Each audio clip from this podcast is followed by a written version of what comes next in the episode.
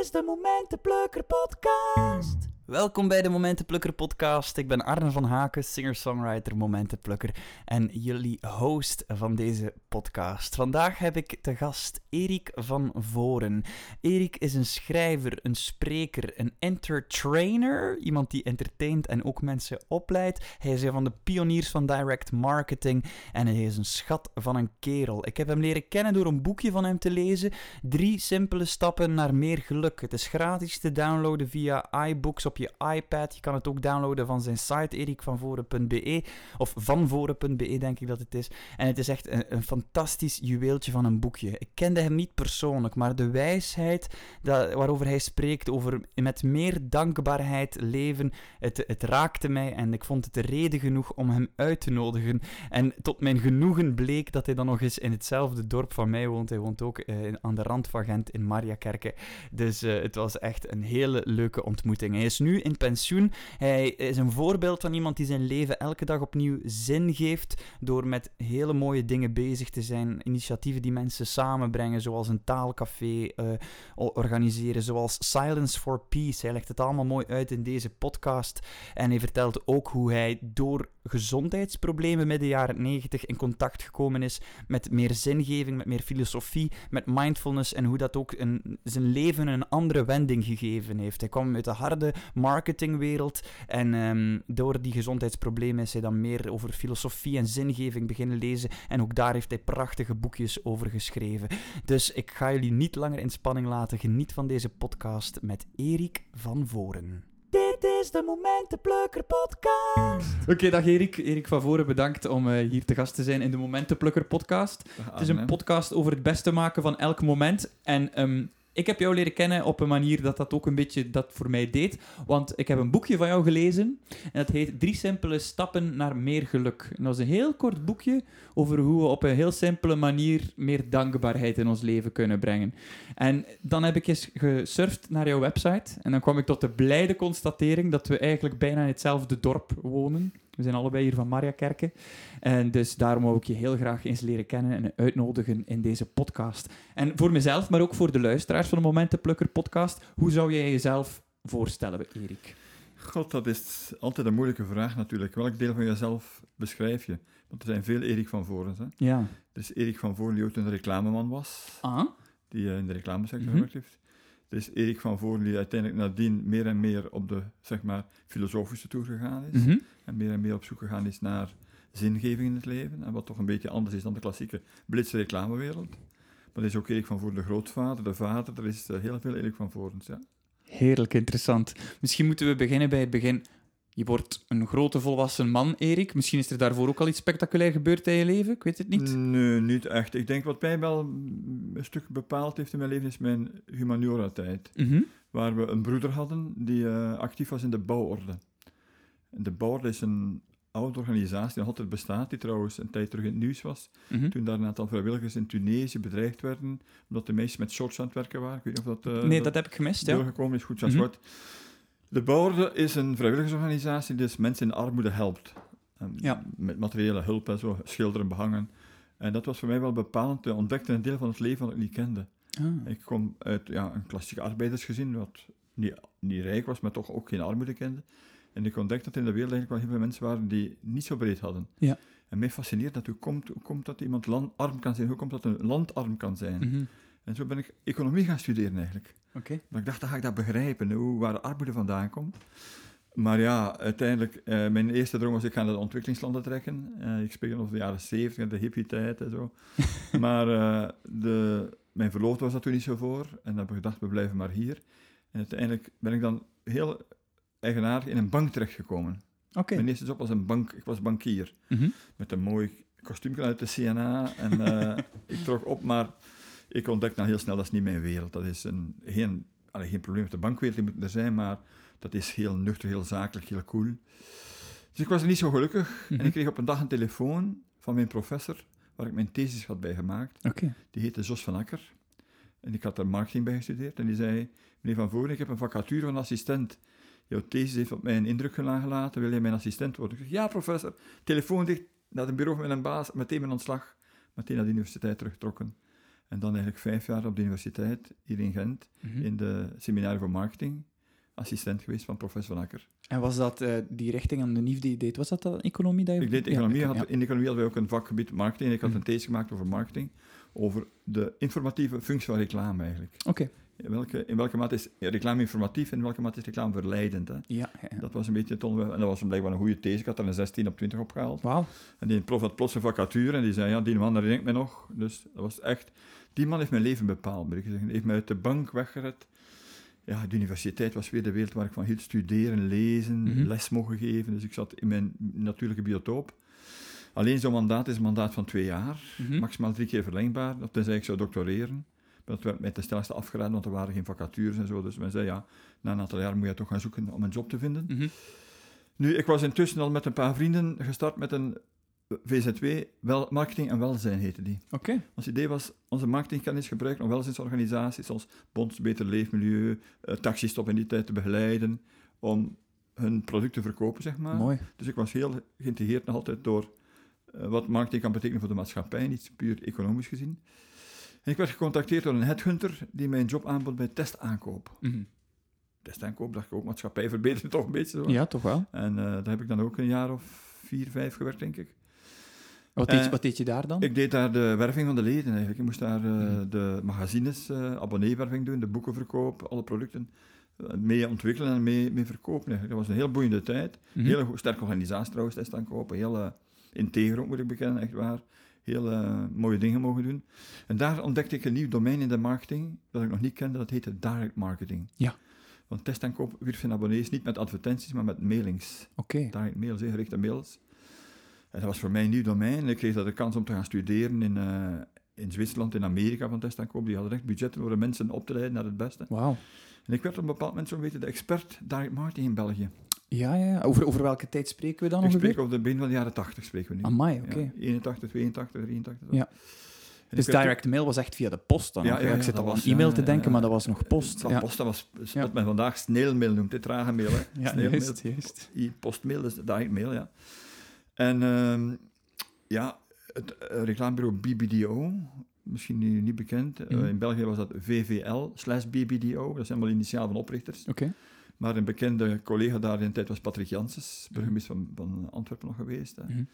Eh, die contacteerde mij, we gaan een nieuwe divisie starten, want direct marketing was toen booming. Iedereen moest, iedereen, naast de klassieke media, naast televisie en pers, moest ook direct mail ontwikkeld worden. En dat was toch een aparte discipline, want dat was eigenlijk een combinatie van marketing en verkoop in één. Hè. Ja. Klassieke reclame was meer een droombeeld creëren, de mensen doen dromen. Mhm. Direct mail is de mensen tot actie aanzetten. Hè. Dat Ja. is de AIDA-formule, Attention, Awareness, Desire, Action. Ja. En ik kreeg een job om uh, voor hen BBDO direct op te richten, een nieuwe divisie, en werd meteen ook mede aandeelhouder. En kon dus voor hen, from scratch, BBDO direct uit de grond stappen. Wauw. En toen hebben wij mooie dingen mogen doen, onder meer de eerste Macintosh in België lanceren. Apple Macintosh 84 kwam op de markt.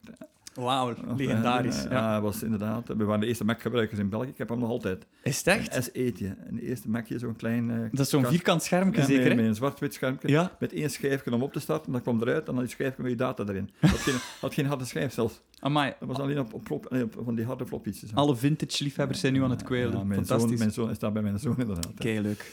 Eh, maar goed, dat was een zeer stressvolle wereld, moet ik bekennen. Ja, want ik vermoed als je gewoon marketing doet en je zegt van je moet mensen laten dromen, dat is niet onmiddellijk meetbaar de resultaten, maar Ja. direct mail kan je echt zien hoeveel conversie Ja, is er, hoeveel closes. Hoeveel, hoeveel procent bij was dat echt, iedere campagne werd gemeten. Mhm. En mijn budget was onbeperkt als het maar onmiddellijk terugverdiend werd. Ja, voilà. Ja. Dus het, moet zich, het is heel rendabel, terwijl klassiek reclame... Oké, ik heb misschien bij bekendheid verhoogd, maar wat koop je daarmee? Direct marketing was echt heel meetbaar. Wat draag jij bij in de verkoop, in de bottomline? En ik had er op een bepaald moment een voordracht gegeven in Montreux over Mhm. een klant van ons, de Woonark. Dat is een meubelwinkel in Sint-Niklaas. Daar hadden we een heel leuke campagne mogen voor doen. Ik had hier een heel, heel, hele voordracht rondgebouwd en ik werd gevraagd in Montreux. ja, in En Zwitserland. Montreux ja. was wat kan voor de reclamewereld is, Mhm. is Montreux voor de direct marketing. Dat was de place to be ieder jaar. Daar kwamen alle grote sterren samen, er werden campagnes gepresenteerd. Ik mocht dat presenteren en eh, dat maakte zo'n indruk dat ik meteen gevraagd werd om spontaan terug te komen. Wauw. En toen zei die organisator, ik zou je een onderwerp willen aanbieden dat jij voor mij moet uitwerken. Ik zeg, wat? Zegt hij, seniorenmarketing. Ik zeg, seniorenmarketing? Spreek 1986. hè? Ja. Allee, wie ligt daar nu wakker van? Nee, zegt hij, dat wordt de toekomst. Mhm. Ik heb toen een speech gemaakt met Tina Turner als, als thema, met de Beatles, waar M64 erin. Mhm. Met veel muziek erin, dat sloeg weer aan. Ik werd geboekt in, in eh, Buenos Aires, in Sydney. Die speech ging de wereld rond. Was dat een beetje het begin van uw was- en toen dacht ik inderdaad, hey, dat is ook wel leuk. Dat is een leuk vak eigenlijk, in plaats van reclamebureau doen, speeches geven. Dus dan ben ik in 88 gestopt in het reclamebureau. En heb mijn eigen zaak gestart als voordrachtgever. Ja, Ik noemde intertrainer. ja. Dat ik het trainen combineerde met het entertainen. Mijn speeches waren altijd een mix van gefundeerde kennis, maar spelers gebracht, heel veel met muziek. Mhm. Ik gebruik altijd muziek, want ik vind muziek is zo'n sterke taal die aanspreekt. Dus in het begin was dat met de seniorenmarketing. Dan had ik eens over klant, klantenbinding, dat heette dan customer bonding.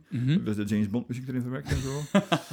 en eh, zo is dat beginnen groeien, groeien, groeien. Ik heb ieder jaar, en om de drie jaar maakte ik een nieuwe speech en was ik weer op tournee en eh, ging ik met die speech de wereld rond eigenlijk. Ja.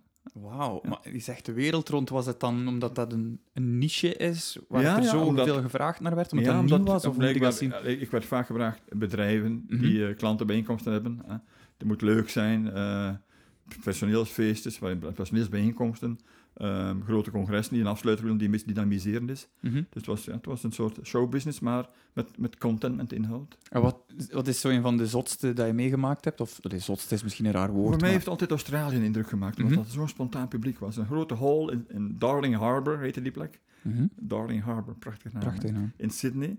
In een gigantisch hal. En ik had mij in, in het publiek gezet, in de zaal gezet. En ik werd aangekondigd, plots ga ik recht staan. Die schijnwerk was terwijl ik zo naar voren wandelde. Terwijl de Beatles waren M64 spelen. Zo, dat was... Die zaal meteen, die had dat meteen te pakken. Stond allemaal recht, allemaal mee te applaudisseren. Zo. Australiërs zijn ongeremd wat dat betreft. Hè. Ja, In Vlaanderen gaan ze zo. zo'n beetje zitten wachten, want toen, wat toen de rare kerel hier zo, Dat dat wel- gekruist. Ja. Australiërs zijn heel spontaan, heel open. Dus dat was voor mij wel... Ja. En de keer dat ik in Elisabethzaal mocht staan, ook, dat was ook wel voor de KBC in de tijd. Het was toen nog KB, Ja. voor de fusie met Sera. Mhm. Bij de KB heb ik er ook voor 2000 man mogen staan. Dat zijn van die momenten dat je denkt, wauw. Geweldig. Ja, ja, ja, ja. En je zegt dan, je workflow bestond erin om één keer om de drie jaar iets te maken en dan Ja, op wereldtournee te vertrekken. Ja, ja, ja. Maar intussen had ik natuurlijk binnen mijn instituut wel meer lokale opleidingen uitgebouwd ook. Dus hadden hier ook... Je had een instituut, zeg je. Ja, dat heette Direct Marketing Instituut heette dat. Ja, oké. En ik had dus ook collega's die voor mij les kwamen geven. Ik organiseerde dan tweedaagse seminaries, bijvoorbeeld over copywriting, Mhm. over ehm, database management. En over internet, toen het internet kwam, hadden we altijd tweedaagse seminars, dus dat was een lokale business. Mhm. Ik gaf ook een magazine uit. Ja? DM Update heette dat. DM, van Direct Marketing Update. Mhm. Dat kwam om de twee maanden uit. Dat was een abonnement met een, een seminarie inbegrepen. Dat was een, vrij, was een vrij duur abonnement. Dat blad kostte relatief duur voor maar zes nummers, maar er zat ook een seminarie in, in dat pakket. Per nummer of zo? Nee, nee, Ja. ze konden het kiezen uit, uit mijn hele series, konden ze altijd Ah, ja. één seminarie gratis meenemen. Zo. Ja. Dat was ook een, een, een, ik had dus lokale business wel een beetje zo. En Ja. intussen was ik aan toeren. Allee, aan niet, maar dat was 60, 70 keer per jaar. Dat was niet echt al- dat ik elke dag weg was. Hè. Ja, ja. Maar toch 60, 70 keer per jaar was ik ergens on the road in Finland, Zuid-Afrika, ik zeg het, eh, Singapore, eh, Buenos Aires, all the places, zo'n beetje. Dat is echt geweldig. En was dat dan via, hoe moet ik dat zien, is dat dan via sprekerbureaus Ja, die eigenlijk boeken? Montreux of- was voor mij, de, dus als ik zei, Montreux was de plaats waar Hans de wereld samenkwam. Mhm. En daar kwamen de mensen uit Australië en uit Zuid-Afrika en die zagen jou daar op het podium en daar werd jij geboekt dan. Hè. Ja, ja, ja. En, eh, en ik had ook wel eh, in Nederland dat ik een agent, een speakersbureau dat bij de Teven Groep, Mhm. die dus mij promoten. En in Nederland dan, eh, die dus... de, de, ja, die hebben een catalogus van sprekers, zeg maar, die Ja. gaan je promoten. Dan, ja, ja. Geweldig eigenlijk, als je dan zo dat verhaal hoort en je hoort van dat je eerst op een bank zat. Dus eigenlijk Mhm. die man die, waarvan je zegt van die heeft een beetje mijn leven bepaald, dat zegt die heeft u die in, die, in die richting getrokken eigenlijk, Ja, ja, ja, absoluut, ja, waar je dan de rest op, op verder gebouwd hebt. Dat is Dit maar gewoon tele toevallig telefoontje. Maar natuurlijk, dat telefoontje heb ik ook aan mezelf te danken, doordat ik mijn goede thesis gemaakt heb. Dus het heeft, het Mhm. heeft altijd wel een voorgeschiedenis. Het is niet zomaar dat het Mhm. Zonder enige oorzaak uit de lucht Ja. komt vallen. Het eh, moment van dat telefoon was eigenlijk al vooraf onbewust gecreëerd door een goede thesis te maken uiteindelijk. Ja. En je schrijft ook boeken, eh, of je hebt, je hebt toch heel wat boeken geschreven. Ehm, was dat iets wat je al vroeger deed, of is dat meer gekomen na die presentaties? Ik ben altijd iemand geweest die graag schreef. Zelfs toen Mhm. ik in de lagere school zat, had ik al een eigen magazinetje zo. Ah ja, De Klaroen heette dat toen. de, wat? De Klaroen. De klaroen, De. Klaroen, ja, een eigen ma- Ik schrijf graag, dat boeit mij. Mhm. Omdat schrijven is iets dat je op elk moment van de dag kunt doen. Hè. Ja. Dat, dan ben je vrij. En, eh, mijn eerste boek was een boek over eh, klantenbinding. Dat heette Customer Bonding. Mhm. Dat ging over vijf tips om klanten te maken. En ik gebruikte de hand als handboek. Leuk. Hand als handboek. De duim staat voor het einddoel. Een rendabele, enthousiaste klant. Mhm. En elke vinger had zo'n symbool in dat verhaal. Ja. Ook deze, de, de klagende klant, Ja, de, de middelvinger, de dialoog met de klant, de binding met de klant de ringvinger. en de details en zo. Waren, ja, eh, de pink dat boek is details. heel goed, dat heeft toen op 6000 exemplaren verkocht geweest. Wauw. Uitgegeven in Nederland, wel moet ik zeggen, via een Nederlandse uitgever. En dan mijn tweede boek was over ehm, telemarketing, maar daar ben ik niet zo tevreden over, moet ik zeggen. Dat was, eh, en dan ben ik eh, van onderwerp geswitcht, want ik heb op een bepaald moment zware gezondheidsproblemen gekregen. Mhm. Ik ben hartpatiënt namelijk. Oké. En eh, ik heb eh, een aantal hartoperaties ondergaan, ik heb een hersentrombose doorgestaan. Amai. En dat zijn momenten dat je in je leven toch wel een beetje gaat beginnen nadenken. Wanneer zijn die gezondheidsproblemen ergens Eh, ik opgedoken? spreek dan wel midden van de jaren 90, 96, 97, zo is dat begonnen. Toen je al met de sprekerscarrière Ja, bezig ik was was. volop en- bezig, ik was zelfstandig, ik had een zaak met twee, drie bedienden in dienst. Mhm. En op een bepaald moment lag ik daar zes maanden gesleuveld, dus moest ik mijn, mijn medewerkers afdanken, want Ja. ik, ik ging niet op tournee, dus er kwam geen inkomen meer binnen. En die, die lokale seminars waren niet voldoende daarvoor. En dan ben ik beginnen nadenken, ben ik beginnen lezen, heb ik mij meer verdiept in meer filosofische thema's, zeg maar. Zo. Mhm. Zeg maar eh, wat is de zin van het leven, wat loop ik hier te doen? Ja. En dat zijn dan nieuwe soorten boeken geworden die daaruit gekomen zijn. Het eerste was Succes zit tussen je oren, dat is mijn eerste boek. Dan heb ik er eentje geschreven over eh, stressbeheersing. Mhm. Eh, dan eentje over slow. Dat is mijn, mijn laatste is stilte als kompas. Mooi. Dus Even, even dat eerste. Ja. Successen tussen je oren. Mhm. Dus je hebt die gezondheidsproblemen. Hoe heeft zich dat dan geuit in dat boekje? Of, of wat is er dan meer? Wel omdat je inderdaad beseft dat wij altijd interpreteren, wat er ook gebeurt. Nu, niets komt zuiver ruw binnen. Altijd is er een bril die interpreteert. Hè. En het is die bril leren zien en leren bijsturen, zeg maar. Hoe kijk ik naar de wereld? Dat is een beetje bepalend. Als je altijd vanuit een, een zure bril kijkt, zal alles wat is iets zuur zijn. En dan moet je maar op Twitter gaan kijken, hoeveel mensen die het wil dragen. Eh, of je kunt zeggen, ja, niet vanuit een, een naïeve roze bril, maar toch vanuit een meer beschouwende bril. Die ziet, hey, hier zit kritiek onder, waar komt die kritiek vandaan? En zo ben ik eigenlijk bij mindfulness gekomen. Mhm. Mindfulness is eigenlijk een manier van kijken naar de wereld. Hè. Op een beschouwende manier, niet meteen oordelend. Laten binnenkomen wat er binnenkomt. En op die manier proberen milder in het leven te staan eigenlijk. Ja. En daarover gaat dat boekje ook Successen tussen Nee, nee, oren. succes zit is- dat is nou mijn Tony Robbins tijd. Ja. Ken, ken je Anthony Robbins? Ik ken het ook, maar voor, misschien voor de mensen niet, wie is Tony Robbins? Wat bedoel je met de Tony is Robbins de tijd? grote motivational speaker in Amerika. Die Mhm. man is schatrijk, dat is zo, yes you can, dat is typisch Amerikaanse stijl.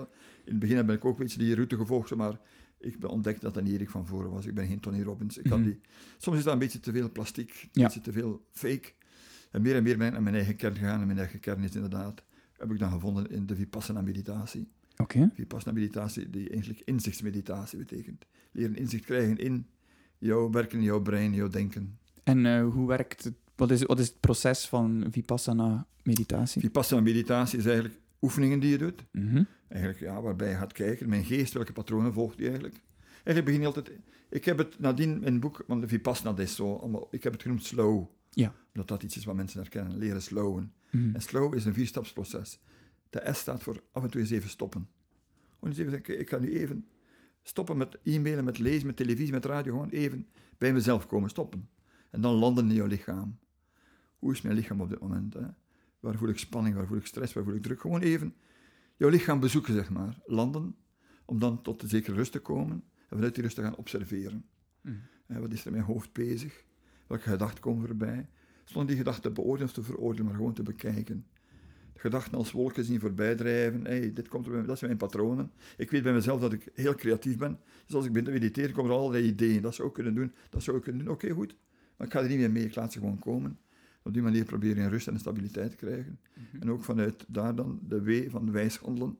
Met die kennis wijs weer in de wereld te gaan staan. Ja. Dat is het slow proces. Stoppen, dus even stilstaan, landen in jouw lichaam om een basisconcentratie op te bouwen. Open gaan, observeren, openhartig, onbevooroordeeld en dan wijs weer verder gaan. Mooi.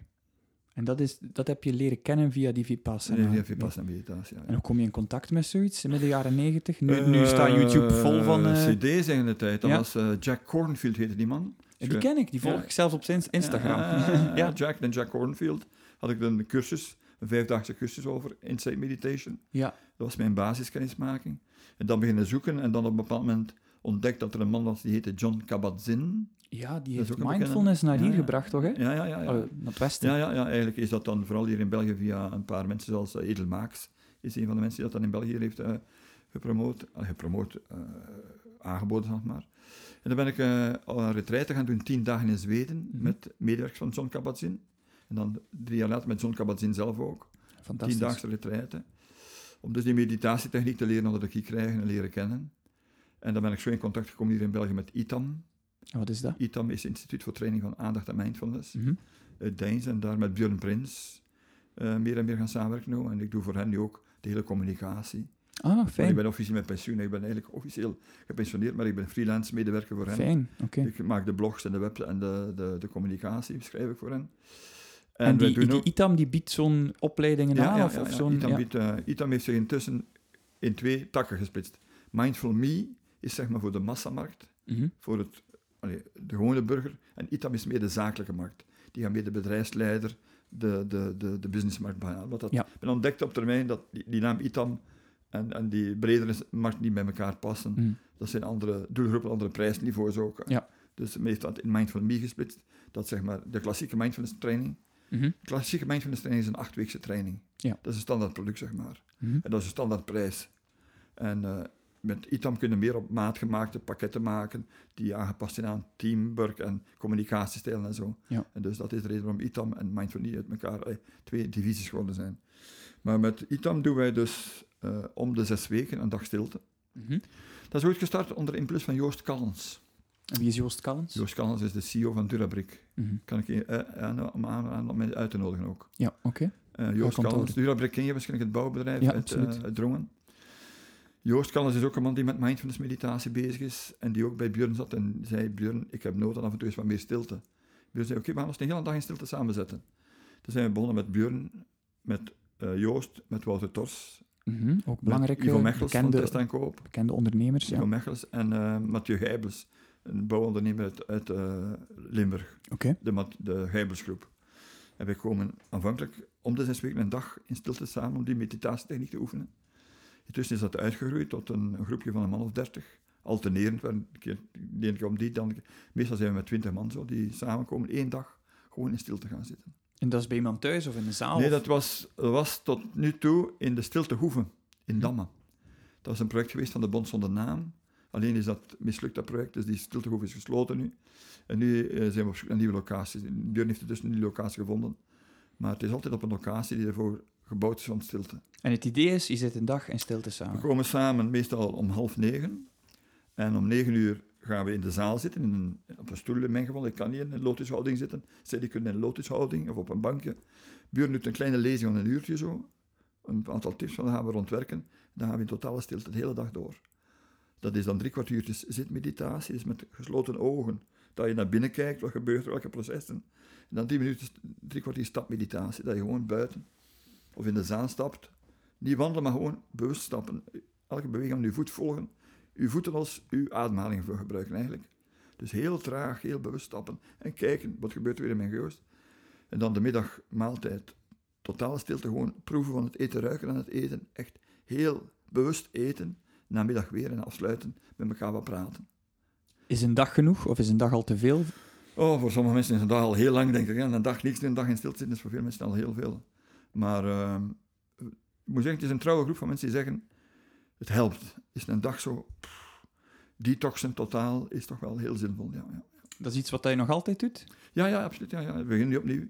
Deze, de- deze maand begint het opnieuw, start het opnieuw, ja. Mooi. Ehm, ja, we hebben het nu over die stilte. Dat doet mij denken aan iets anders wat binnenkort doorgaat in Gent. Silence for Peace. Ik ben er ook bij betrokken. Ja, heb ik gezien. Ja. Kan je even uitleggen wat dat is, Silence for Peace? Wel, dat is een project dat ontstaan is, ook weer vanuit die groep daar, vanuit wat ik noem de usual suspects. Je hebt er zo'n aantal CEO's in België die proberen, de man van Colruyt, chef Colruyt, en eh Wouter Tors en Joost Callens, en die, en, eh, die hebben toen de aanslagen gebeurd waren in Parijs gedacht, allee, waarom kunnen we nu met elkaar niet even beter luisteren? Maar luisteren begint met stil te durven zijn. Ja. En daar is het idee gegroeid om in steden waar het altijd heel druk is, bewust te gaan stilstaan. Even kijken wat stilte met jou doet. Wat gebeurt als je eens even niet op je Facebook zit, niet op je, je computer zit, niet op, op je radio zit, gewoon even naar binnen kijken. Om, dan kan dat het vredeproces niet helpen, omdat je beter vanuit meer rust gaat praten. Nu gaat men vaak vanuit spanning en nervositeit reageren met allerlei negatieve boodschappen. Hè. Zoals ik zei op Twitter en Facebook zie je Heel reactief, Ja. Ga even eerst naar binnen kijken en doe dat in een omgeving die daar niet voor gemaakt is, stad.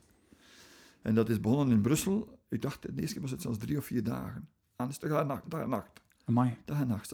Zijn er mensen s'nachts blijven zitten ook op mijn plein. Nog niet zo lang geleden, gezien Dat dat, is na een Parijs jaar was. of na de aanslag in Parijs, dus Ja. een jaar of vier geleden. Ja. Ja. Ja, Oké. Ik ben ook gaan zitten een zestal uren in Brussel. En ik kan u zeggen, dat is heel bijzonder om in Brussel op de, op de Muntplein stil te zitten met je ogen gesloten en die stad te beleven. Ja. Want die stad staat niet stil, hè? Die stad staat niet stil. Nee, nee, nee. nee, nee. Op een bepaald moment de carousel zelfs op te draaien. Dus gewoon kijken, wat doet dat bij mij? Dat, eh, dat is het idee van Science for Peace. Dus mensen leren inzien dat je niet altijd moet praten, niet altijd moet reageren, dat gewoon even stilstaan jou helpt om anders te gaan reageren. Ja. Om meer bewust te gaan reageren. In plaats impulsief, meer responsief, meer bewust te reageren. Ja. En dat gaan we nu in Gent ook weer doen. eh, wanneer is het? 21? Ja, 21 september, dacht ik, ja.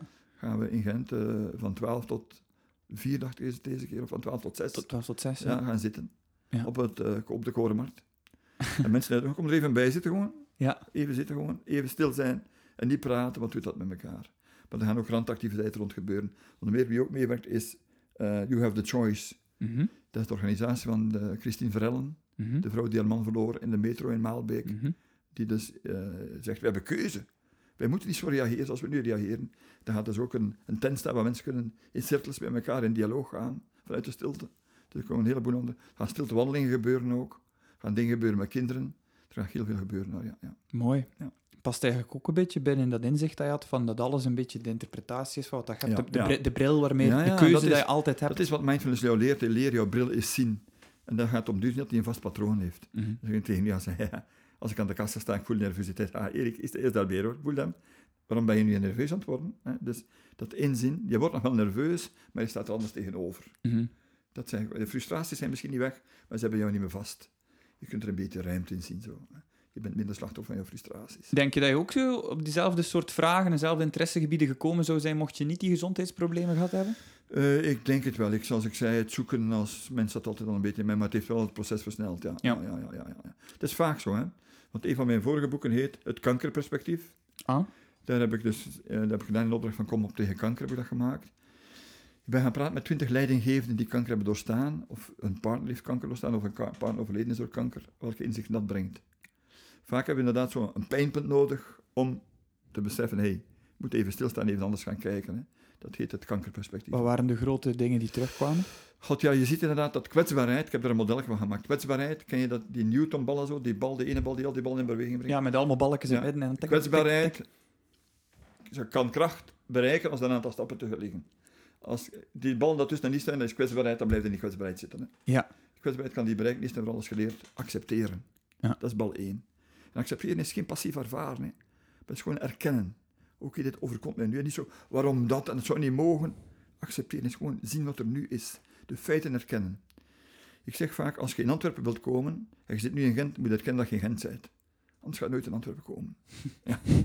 dus je moet de feiten erkennen, dat is bal 1, acceptatie. Voor veel mensen is dat, ja, acceptatie. Ik accepteer dat, dat mag niet zijn, dat mag niet gebeuren. Ja, het gebeurt niet eenmaal. Accepteer. Dan de tweede stap is leren breder kijken. Een beetje hoger kijken. Wat ik noem het, het, eh, het ruimteperspectief. Hè. Mhm. Relativeren zou je dat kunnen noemen. hè. Be- Bergperspectief, breder kijken. Een derde stap is dieper kijken. Naar binnen. Wat, wat, wat doet die pijn met mij? Wat doet die onzekerheid bij mij? En dan de derde, sta- de derde stap is verbindend kijken.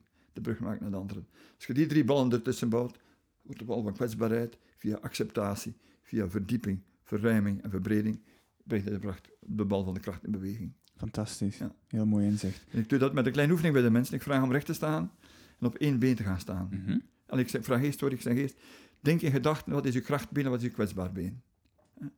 Ga nu op dat kwetsbaar been eens gaan staan. Mhm. En ga eens vooruit. Ga niet, hè? Dat Als je kwetsbaar- ja, hinkelen Als zo. je of zo. kwetsbaarheid blijft staan, gaat het niet, je moet kracht gebruiken. Maar als je alleen op je krachtbeen gaat staan, gaat het ook niet vooruit komen. Dus je moet die twee combineren. Ah, ja. Je moet die twee, kracht en kwetsbaarheid zijn partners aan elkaar. Alleen op je krachtbeen vooruit komen, hou niet lukken. Ja, moet je moet vooruit? Nee, je moet aanvaarden dat je kwetsbaar bent.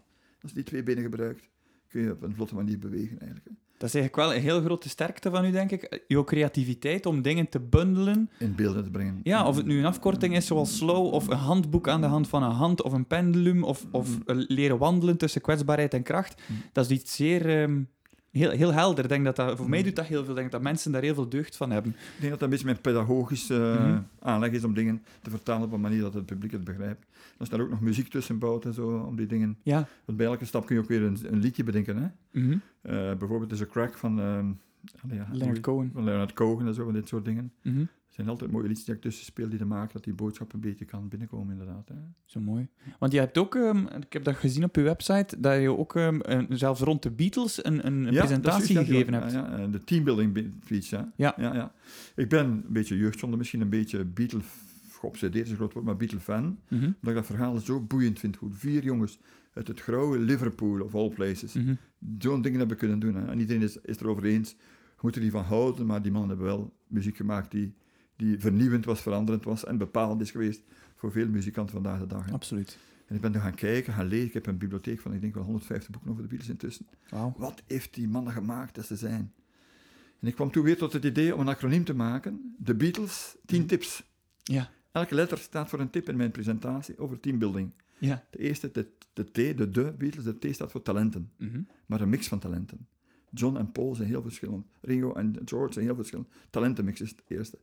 De hash is voor de heading. Die jongens wisten, we're going to the top. Johnny zei we go to the top. Ze hadden een heading, ze hadden een richting. En er was E, enthousiasme.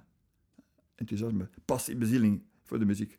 Dan kwam dan Beatles. De B is de beliefs, de geloofden in elkaar. Ze hadden ook bepaalde waarden onder elkaar die Mhm. ze deelden. De E van effective communication. Ze hadden een goede communicatiestijl onder elkaar. De A van accountability, ze hadden goede afspraken met elkaar. De T van trust, er was vertrouwen onder elkaar. De L van leadership, er was leiderschap. En elke song had iemand de leiding. Mhm. De ene keer dan, de ene keer de andere. De I van evolve, ze waren bereid om te evolueren. En de S van stress. Dat zijn zo tien tips die je, ik breng die heel, heel kort, heel snel hier, die je stap voor stap kan gaan bekijken. Hoe zit dat in mijn team? Heb ik de juiste mix van talenten? Ja. Hebben we onze heading goed gedefinieerd? Is er passie, is er enthousiasme? Wat zijn onze waarden? Hè? Hoe is onze communicatie? Leven onze afspraken na? Is er vertrouwen? Neemt af en toe iemand de leiding als het nodig is? Zijn we bereid om ons aan te passen, te evalueren? En hoe gaan we om met stress? De Beatles, dat is geboren, het boek was geboren. Weer al zo een, een, een mooie kapstok. Ja, ja, om, om, om het verhaal aan te hangen. Heel mooi. En elk lied kun je weer met, elke song, elke tip kun je met een lied Ja. illustreren van de Beatles dan. Hè? Ja, ja, En daar heb je dan ook een boek over geschreven. ja, ja. Hoe We werkt dat dan eigenlijk? We Can Work It Out heet dat boek. We can work it out. Ja, logischerwijze. Mooi. En is dat dan, begin je meestal met, een- met een, een idee? Hoe, kom je nu bijvoorbeeld om iets rond de Beatles te doen, buiten het feit, je bent natuurlijk gepassioneerd door die band. Wel, het kwam eigenlijk toen mijn speech, zoals ik zei over de senioren, Mhm. zaten er al in. When I'm 64 zat erin. Hè. juist. En iedereen vond dat heel leuk zo. Hè. Dat, eh, ik dacht, hé, met die muziek is wel iets te doen van die jongens. En ik had er nog een andere speech gemaakt, die heette Open Your Eyes. Mhm. Ik denk nu plots Open Your Eyes, de I's. I, Open Your Eyes, I. Mhm. Dat is niet de I, maar Ja. eh, begrijp wat ik De bedoel? ik, ja. De I, de I, de I. Ja. Dat ging dan voor identification, imagination, interaction, maar zo vier I's. Die een bedrijf Ah, moest zo. openen Ja, om, om Ah, de digitale revolutie. hè. Internet kwam eraan. Mooi. Ik spreek over het begin van de jaren 2000. Open your eyes, open je i'tjes. Het was identification, interaction, imagination en zo'n viertal Ah, ja, die dingen. eyes, ja. En daar zat ook weer muziek van de Beatles in. Imagine van John Lennon kan erin zitten en zo. Ja, ja. Ehm, wat zat er nog in? Enfin, ik zeg het maar niet. Elke, elke i wordt met een liedje geschreven. Dus die muziek is altijd in mijn speeches aanwezig geweest. En toen vroeg iemand mij een reclamebureau in Mechelen. Erik, zou ik iets willen doen voor ons klanten rond de Beatles? En zo is het ontstaan eigenlijk. Is dat idee, oké, we kunnen nog meer doen rond de Beatles? Mhm. Is dat idee van teambuilding en de Beatles ontstaan? De eerste versie daarvan heb ik gemaakt in 1995. Maar pas in 2000 was die eigenlijk af, moet ik zeggen. Ja. Dat is een proces geweest van zoeken, bijbouwen, schrappen. Want die Beatles, die acroniem heb ik pas na vijf jaar ontdekt eigenlijk hoor. Ja, ja. Dat was in het begin niet Ah, aanwezig. Dat was gewoon een los verhaal. Maar het was te veel Beatles, te weinig team. Te veel muziek en te weinig inhoud. En zo is dat dan gegroeid naar, toen ik in het jaar 2000 plots die ingave had van de Beatles. Ik kan dat allemaal mooi aan dat woordje vasthangen. Dus het is ook door dat proces van, Ja, van presentaties Ja. geven en feedback krijgen dat je tot... Allee, Dat, dat, was ooit is dat Comilfo zeggen, we moeten eerst drie maanden trainen en een show doen. Ik, mijn maat was manager van Toon Hermans. Mhm. Die zei, Toon, zijn er 300 optredens maar televisie komen. Ja. Dan ben ik klaar, als ik 300 keer gespeeld heb. Ja. Dus het, het, dat, een speech groeit inderdaad door te doen. Door te geven, door te ontdekken wat werkt, wat werkt er niet. Het is een, een groeiproces. Hè. En die essentie die zet, zet je dan ook neer in een boek. Ja, en meestal ga ik dan op een bepaald moment dan neerschrijven in een boek. Eens je voelt, die speech staat nu op punt, dan kan ik er een boek van maken. Maak ik er ook een boek van. Dat een boek een visitekaartje is voor de spreker. Hè. En ehm, je bent nu gepensioneerd. Sinds, Ja. sinds wanneer ben je in pensioen gegaan? sinds, eh, ik ben eh, vorig jaar 65 geworden, dus in Ja. september vorig jaar. Ah, oké. Nog maar, ik ben vorige week verjaard. Ben vorige week. Route 66 zit ik nu. Route 60, Fantastisch, leuk. En ehm, nog voor je in pensioen ging, wat deed je dan bijvoorbeeld de laatste tien jaar? Was dat dan Wel, nog altijd het, in bedrijven ik heb het direct marketingstuk op een bepaald moment verkocht. Want dat direct marketingstuk daar had geen affiniteit meer mee. Ja. heb ik dan verkocht, ook omdat ik moet u bekennen, de nieuwe evoluties, het, ik was wel mee, maar ik was geen voorloper meer, zeg ik vaak. Ik was wel mee met internet, maar ik was geen voorloper meer. Ja. Boeide mij niet voldoende. Ik heb dat afgestaan aan jongere mensen die dat overgenomen hebben. Ik heb het dan puur nog toegelegd op speeches geven. Ja. Al de rest, al de opleidingen is allemaal gestopt, gewoon puur conferencier zijn en speeches geven. Zelfs op cruiseschepen. Wauw. Ja, ik ontdekte... Mijn vrouw kocht mij, gaf mij voor mijn verjaardag op een bepaald moment een cruise naar de Noorwegen, naar de fjorden. Mooi. En daar zat een voordrachtgever aan boord die over vogels en, en zeedieren sprak en zo. Ik dacht, hé, hey, een voordrachtgever op een boot, dat is niet slecht. Ja? Ik ga naar die directie, ik zeg, ik heb ook een leuk thema en ik zie dat jullie volgend jaar naar Liverpool varen. Aha, was de. Beatles. Ja, de route en dan dribbelen rond Ierland naar Liverpool heb ik dus drie keer een speech gegeven over de Beatles. En dan met de mensen Liverpool bezocht ook. Die plekken, leuk. Strawberry Fields en eh, al die plekken, Penny Lane, Ah ja. die plekken gaan De expert was Ja, mee. ja. Zeg maar, de- deed dat dan ook? Want mensen die op een cruiseschip zijn, die zijn toch niet bezig met teambuilding? Of, Nee, nee, dat was puur de muziek. Dan ging Ja. de Beatles. Ja, dan viel dat thema, dan viel die, die acroniem viel weg. Ja, ja. was gewoon een verhaal van wie is John, wie, Leuk. Een, een, een biografie, hun, hun stijlen van muziek maken. Hun, eh, ik had drie fasen. Een, aanloopfase tot de doorbraakmoment, dan de topfase en dan de scheidingsfase. Drie, drie Ja. voordrachten had ik inderdaad. Ja. Mooi. Heb je ooit echt voor, voordrachten gegeven over dingen zoals meer echt mindfulness of zo? Buiten een bedrijfs... Ja, ja, eh, toch wel. Mijn voordrachten, meer in de stress. Ja. Die eh, gaat erover inderdaad. Ja, ja, ja, ja, ja. En dat was ook voor een beetje buiten bedrijven door... Ah, niet, of- bij- altijd, meestal in bedrijf. meestal in bedrijf, dingen. ja. En ehm, dan, dus je bent nu in pensioen. En waar vul je nu vooral die dagen mee? Wel, zoals ik zei, dus enerzijds als vrijwilliger bij eh, Science for Peace, hè, mee, mee dingen helpen organiseren. Als freelancer bij ITAM, Ja. de website verzorgen.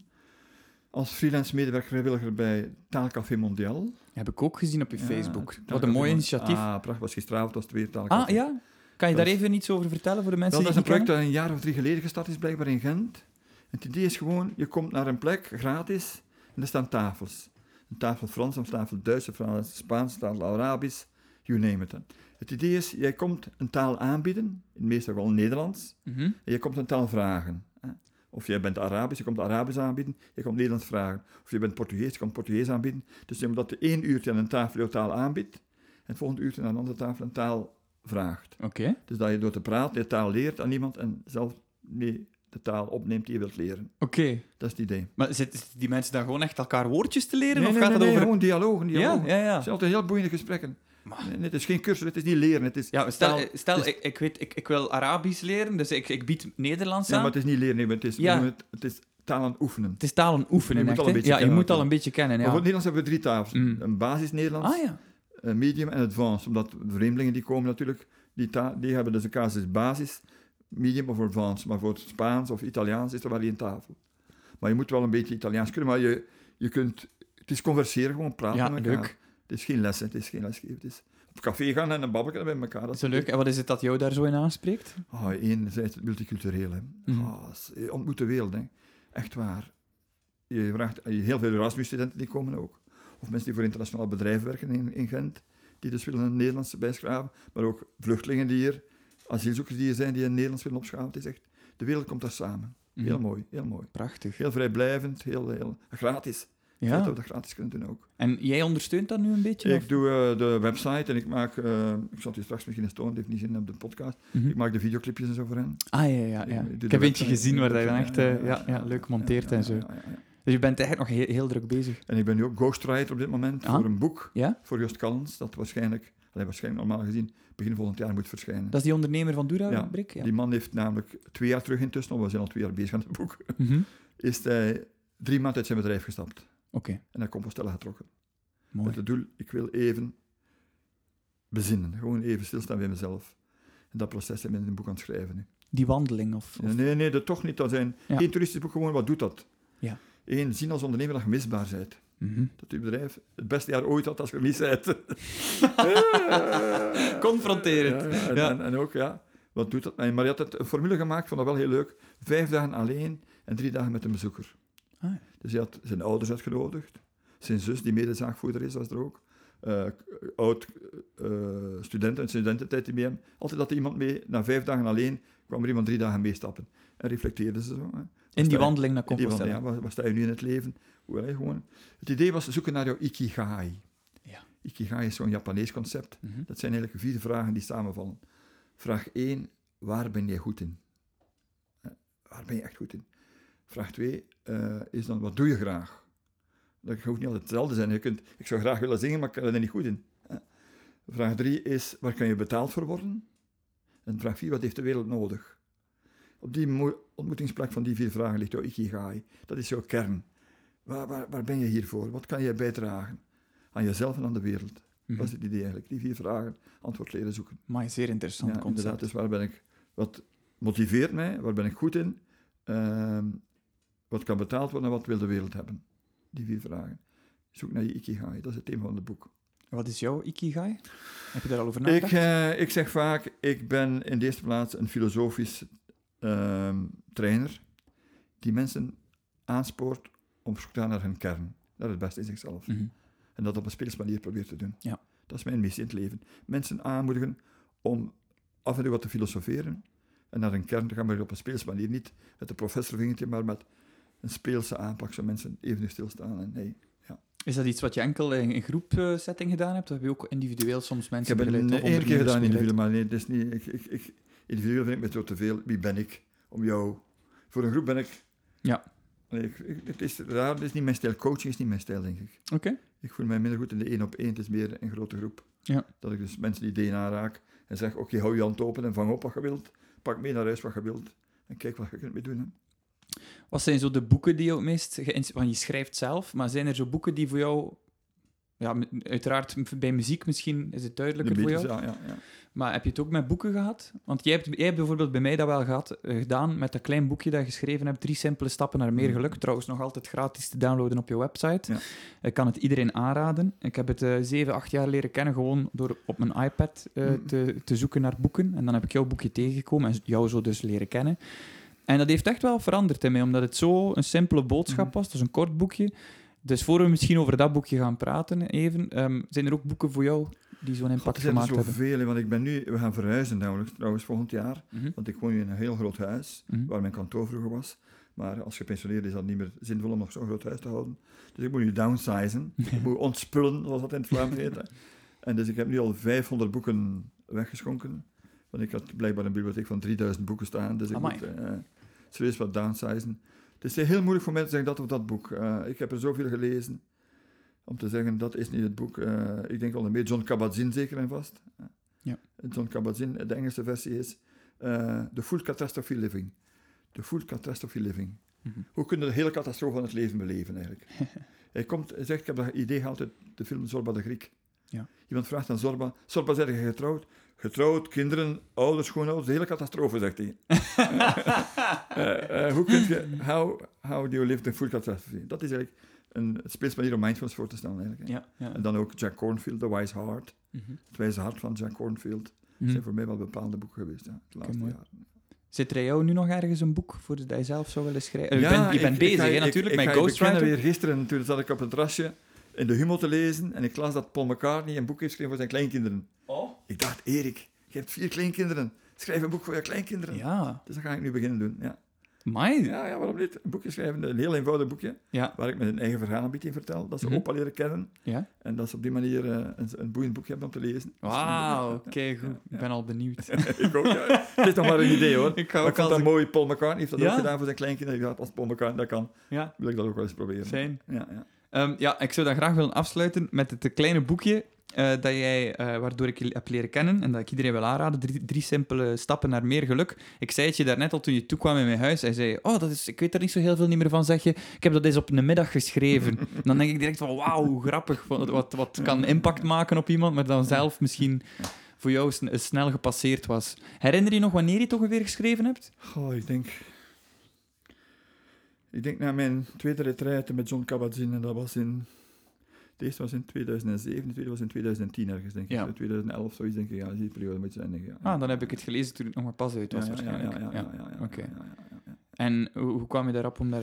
God, ja, zoals ik zei, als ik ga in stilte zitten, dan komen er altijd ideeën bij mij op. Hè. Dan, dan begint die geest ideeën te spuien. En dan is de uitdaging voor mij om te zeggen, oké, ik moet dat idee nu niet uitwerken, maar ik laat het gewoon gaan. Maar het feit dat het idee er is, kan ik nadien in de W-stappen, S-L-O-W, de wijze stap is dan dat idee gaan uitwerken. Mhm. En zo kwam het idee van eigenlijk, als je nu 1, 2, 3 kunt zeggen, ik zal het niet eenvoudig zijn, A, B, C, du pain, du vin et du boussin, liberté, fraternité, égalité, in drie stappen, zo was het idee, om iets te vinden dat dat... eh, Ja. Maar ik beken, ik weet echt niet meer exact wat er in het boek is. Oh, maar dat is heel interessant dan. Want ik wil ze gerust even die- alle drie voor jou overlopen. Het zal wel terugkomen, want je leeft namelijk die materie. Maar het eerste, het waren de drie, drie B's ook, hè, de 1, 2, 3 voor jou. En het eerste was bewust worden of ja, ja. van het moment, op, allee, op dit moment. Wat gebeurt er nu, wat ervaar ik nu, wat is er nu? Ja, ja. en meerdere malen per dag proberen daar stil bij te staan. En dan raad je ook aan, je, had, je schrijft dan, ik had dan een app op mijn gsm, eh, Mindful Bells, dat af Belken en toe- inderdaad, ja, ja, ja, ja, en op dat moment word je dan even daarvan bewust. Heb ik mijn gsm uitgezet dat de belk niet beginnen liggen. even bewust worden van dit moment. Zo, vijf minuten stil in deze podcast zou raar zijn. En dan de tweede is bewust worden. De tweede is beleven.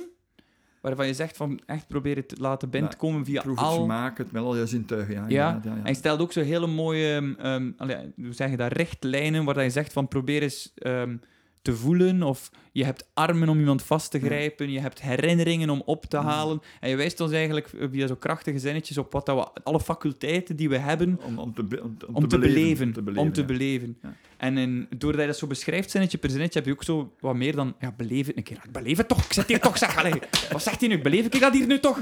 Maar je trekt dat zo open naar dingen van... De alledaagse dingen zijn niet zo Dieper, Dat evident. het dieper is dan het denkt, ja, ja, ja. Ja. ik dat dat waar. En dan eh, de derde stap Bewaren, had ik. je... Nee, is het niet zo? Ja, bewaren. Ja, ik denk, die komen terug. Ja, ja, ja. bewaren. Probeer het in een doos te steken, zodat je, dat je het eigenlijk... Ja, Ja. uit koest, als een geschenkje die je hebt gekregen. Ja. Ja. Ja, ja, En maar dat, dat vind ik persoonlijk de moeilijkste stap. Dus ik hoopte dat je daar misschien wat meer uitleg over kon geven. Dus ik snap van, oké, even stilstaan, Ja. even helemaal beleven wat er hier is, ja. wat- wat- hoe ik mij voel. Maar hoe bewaar je buiten dat je... Allee, zegt? Je moet het zo mentaal in een doosje steken, in je hart. En ik snap die metafoor wel, maar is er een manier om dat beter te bewaren? Of, of, of Wel, wat ik je- zelf nu doe, Arne, is voor mezelf een fotoboek aanleggen, een fotodagboek. Ik maak iedere dag één foto van iets wat me die dag getroffen heeft. En waar ik dus zeg, die, die, die voor twee stappen, zonder het te weten nog, hè, van beleven en eh, aan vastkoppelen, en ik, ik, ik, ik plaats dat in mijn computer in een dagboekje. Dat is een manier waarop ik het doe. En als ik dan terugblader zo, twee maanden terug, oh ja, toen, dat moment. Hè, zo, zo. Ja. Het met fotootjes. Ja, het is echt de werkelijke fysieke Ja, handeling ja. dat je doet om beter heb ik een foto genomen van de gevel, van de centrale waar het doorgaat. stond een heel mooie foto. Ik dacht, kijk, die ga ik... Want dat moment, ik ben er echt bij stilstaan. Heb die foto laten binnenkomen. En wat beleef ik bij het zien van die foto? Die zon die erop scheen. Dat moment intens opgenomen en die foto genomen was als herinnering zo. Ja. Dat is heel mooi. Ja, het, het op een of andere manier materialiseren, dat je het kunt terug oproepen. Of, Ja, ja. Dat je weet dat het geweest is. Ja. Dat kan een tekstje zijn. Dat is ook bij mij, ik schrijf heel veel dagboeken. Maar nu gebruik ik meer en meer een fotoboek. Zo. Ja, ja, ja. Dat gemakkelijk online zo een aantal foto's kunt bijhouden en een commentaar daarbij schrijven. Mooi. Het is wel mooi, want... is, het leuke is inderdaad, als je dan moet maar drie maanden terug gaan, denk je, oh ja, dat moment. En dat, dat, de foto kan gewoon een kopje koffie zijn, hoor, dat ik genomen heb. Maar dat ik weet op dat terrasje, dat Ja. moment. Hè, dat, Ja. eh, het, is, het zijn geen selfies die ik neem. Hè. Nee, nee. Het Ja. gaat eigenlijk over objecten, plekjes, gevels, zoninval, Mooi. die mij op een andere manier getroffen hebben. Het is, het is bijna een definitie van wat dat ik dan het ideetje van momenten ja, plukken noem. inderdaad, dat is het puur. En ik denk eigenlijk, ja, het Ja, kan ja. bijna niet anders dan dat dat boekje mij daar ook in Ja, geïnspireerd ja, ja, ja. heeft om, om daar nu rond een podcast Ja. te maken. Ja. Dus ik wil je daar eh, heel hard voor bedanken. Zijn er nog dingen die ik u mag toewensen? God, ik denk vooral wat voor mij wezenlijk is dat de gezondheid een beetje blijft eh, Mhm. wat het is. Want ik, ik weet dus wat het is. Ziek zijn, wat het betekent, maanden in een bed liggen en niks kunnen doen. Ja. Ik weet, 66, de beste jaren zijn er geweest, maar ik hoop nog altijd op een aantal eh, goede jaren toch. Dat is het enige wat ik eigenlijk mezelf toewens. Oké, dat wens ik u ook toe. En ik wens jou een talrijke opkomst bij Silence for Peace, Ja. 21 september. Ik ga er eh, ook proberen aanwezig te zijn. Het is overdag, hè? Ja, Dus overdag, S'avonds heb ik een optreden, maar 12 tot overdag 6, ja. ga ik proberen zo lang mogelijk stil te zijn. Dat is Mijn moeilijk voor mij. dat is de onthaalruimte voor de vrijwilligers. Waar? Ik ga mijn camper daar parkeren. Ah ja, ja, Dan oké. kunnen, dan kunnen de vrijwilligers daar, de stewards zoals we dat noemen, die hebben allemaal zo'n wit jasje en die kunnen daar een kopje koffie drinken. Oh, leuk. Dus als jullie allemaal een kopje koffie willen drinken met mij of met Erik, ja, dan eh, kun je in mijn, in mijn camper binnenkomen. Ja. het is daar te doen. Oké, enorm bedankt voor deze podcast, Erik. Dank voor de invitatie, het was heel aangenaam. En luisteraars, blijf momentjes plukken. Dit is de Momentenplukker podcast.